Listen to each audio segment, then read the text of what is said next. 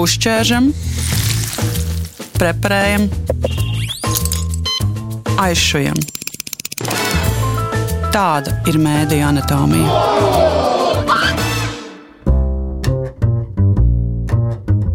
Kad ziņas no Latvijas vai par Latviju nonāk lielo pasaules mēdīju uzmanības lokā, visbiežāk šo rakstu vai sižetu sagatavošanā palīdzējuši arī pašmāju Latvijas žurnālisti. Šajā mēdīju anatomijā runāsim par to, kādi temati par Latviju un Baltiju šobrīd ir pasaules mēdīju uzmanības lokā, kā tie ir mainījušies kopš Krievijas iebrukuma Ukrainā un kā notiek ārvalstu mēdīju darba organizēšana.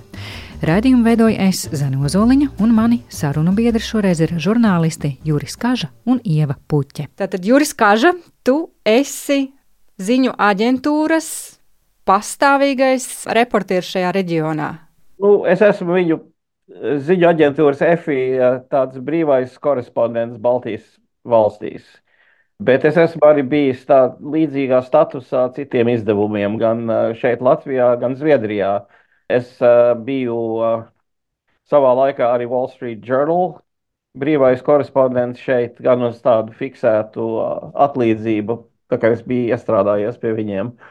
Un Zviedrijā es kādu laiku arī strādāju, kā nu jau tagad izputējušās avīzes International Herald Tribune korespondents. Vairāk tā 80. gadu beigās esmu Christian Science Monitor rakstījis un vispār savu to garo ar tādiem visādiem dīvainiem darbiem, bet nenoskaitīšu. Un Ieva, Ieva Puķe, tu esi. Es strādāju Latvijas radio ziņu dienestā, bet atvaļinājumos un brīvajās dienās es šad tad palīdzu kolēģiem no ārzemēm.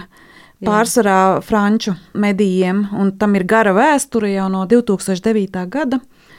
Un viņi arī saka, ka nesot tik viegli atrast tādus cilvēkus. Viņi paši mani visādos ceļos atrod un viens otram rekomendē. Tieši franči, bet ir arī bijuši beļģi, ir arī bijuši no Nīderlandes.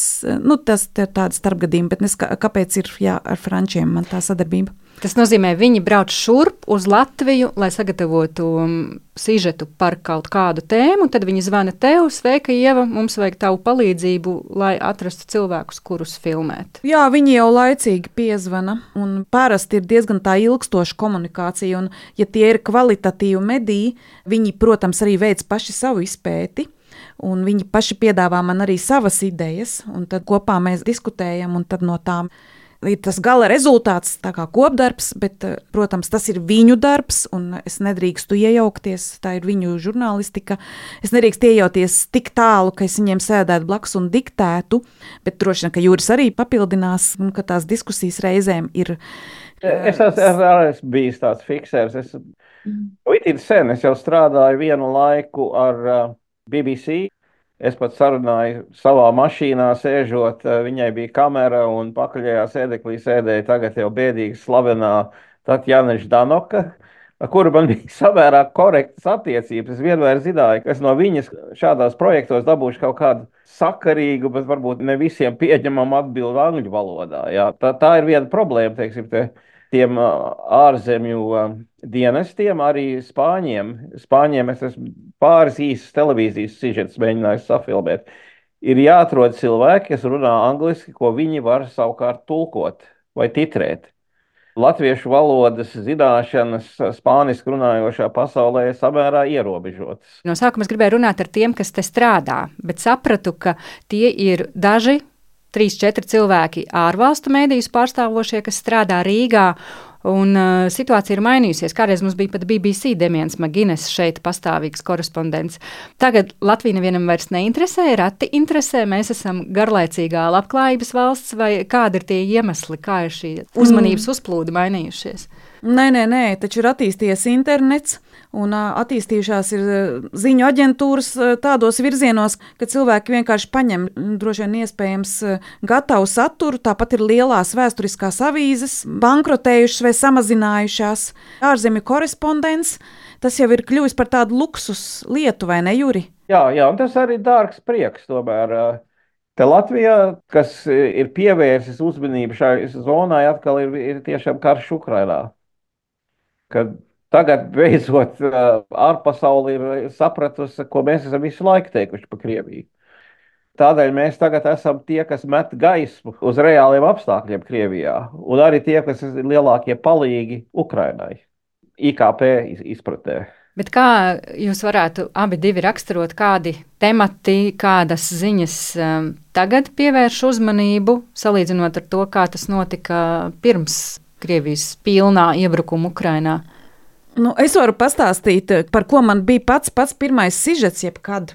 Īstenībā tas, ka ja šai teritorijai ir pievērsta uzmanība, nu, Latvijas vārds ir ziņu virsrakstos, tas uzreiz jau potenciāli atved šurp nu, kaut kādus žurnālistus, kas varbūt nemaz netaisa par šo tēmu. Nu, piemēram, 2009. gadā tā bija ekonomiskā krīze.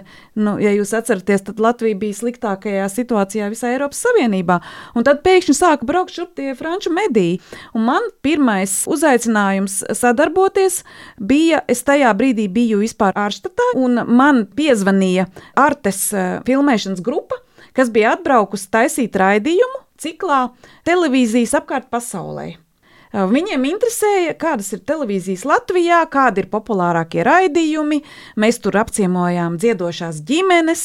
Tajā laikā bija makšķernieku raidījums. Nu, viņiem interesēja tas, kas ir atšķirīgais. Un arī, kas man bija ļoti liela šokējoša pieredze, pirmais Baltijas kanāls kur man bija jātulko intervija ar kanāla vadību, nu, kur eh, es ar šausmām sapratu, kā tiek eh, stāstīta propaganda. Un es skatījos uz to franču redaktoru. Nu, viņš bija gan žurnālists, gan redaktors, kurš bija līdzi. Un es skatījos, vai viņš intervijas laikā, vai viņš to redz. Un mēs gājām ārā, piedāvājām viņu birojas, bija Latvijas televīzijas ēkā. Man tas vispār bija pilnīgi apvērsums manā galvā, ka tas ir tik mierīgi pastāv tur.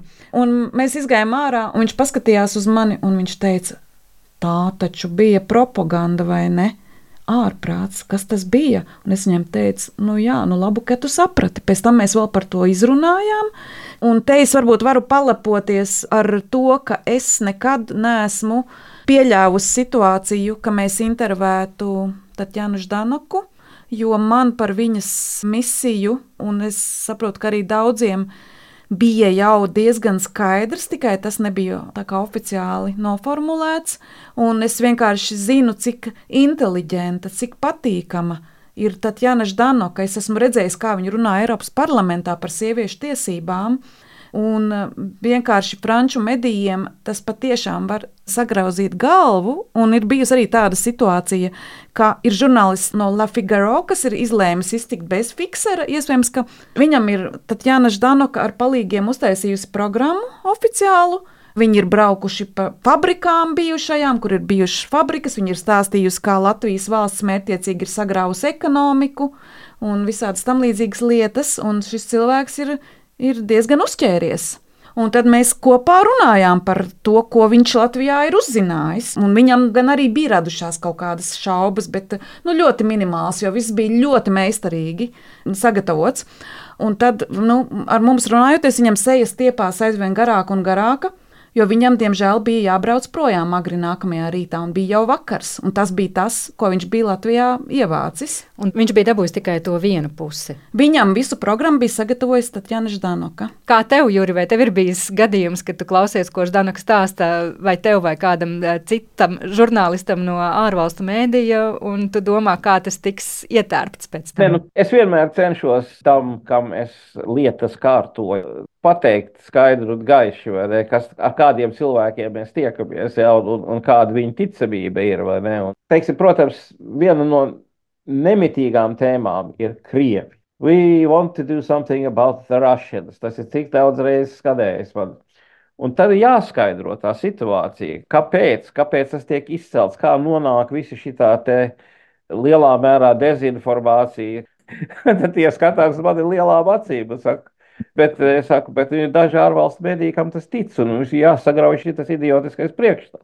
Jau tu man eh, pirms tam telefona sarunā teici, ka ir mainījusies tā izpratne no rietumvalstu žurnālistiem par to, kas tad īsti ir tā bilde Latvijā.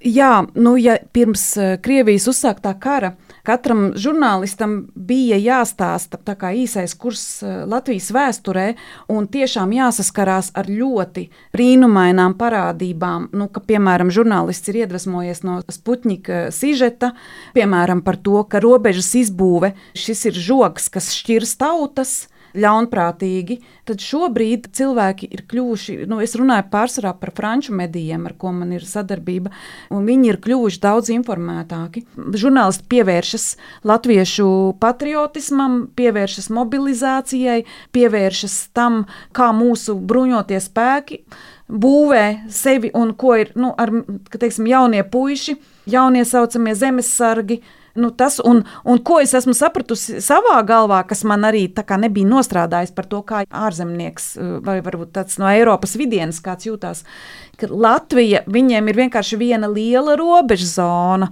Mums robeža ir tur, ja kaut kur pie zilupes mūsu galvā, bet tādam nu, ārzemju žurnālistam tā Latvija jau viss ir. Tas, ru, ru, nu, nu, tā, Rīga uzreiz viļņa. Jau ri, jā. Rīga, jā, bet arī tur ir arī tādi, nu, Juris droši vien arī zina, apsēstība, piemēram, ar Daugavpili, ka mums ir obligāti jābrauc uz Daugavpili.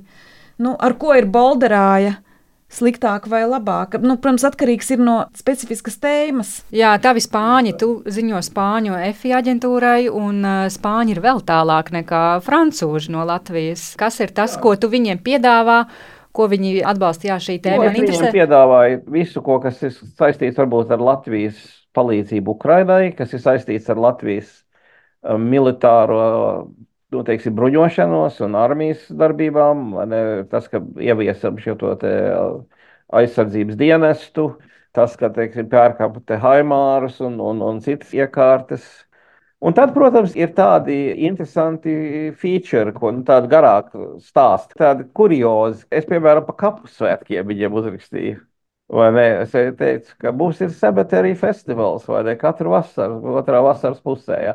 Tas spāņi No vienas puses, spāniski runājošā pasaulē, Meksikā jau tur ir tas, kur viņi visādi tur mūmijas rokā ārā no kapiem un, un, un rīko tur pāterus un visu ko.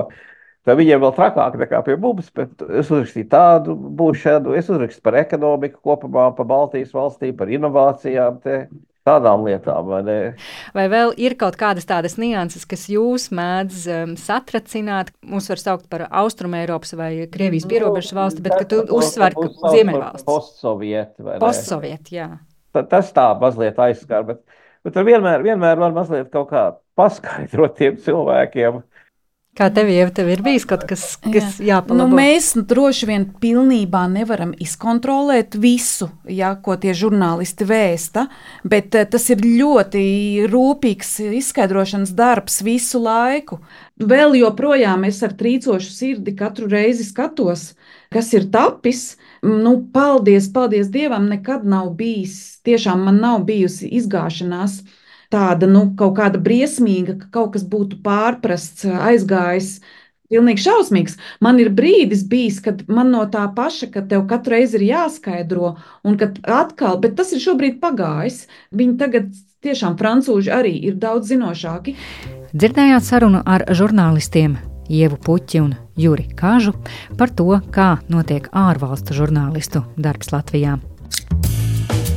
Uzķēršam! Preparējam, aizšujam. Tāda ir mēdīņa anatomija.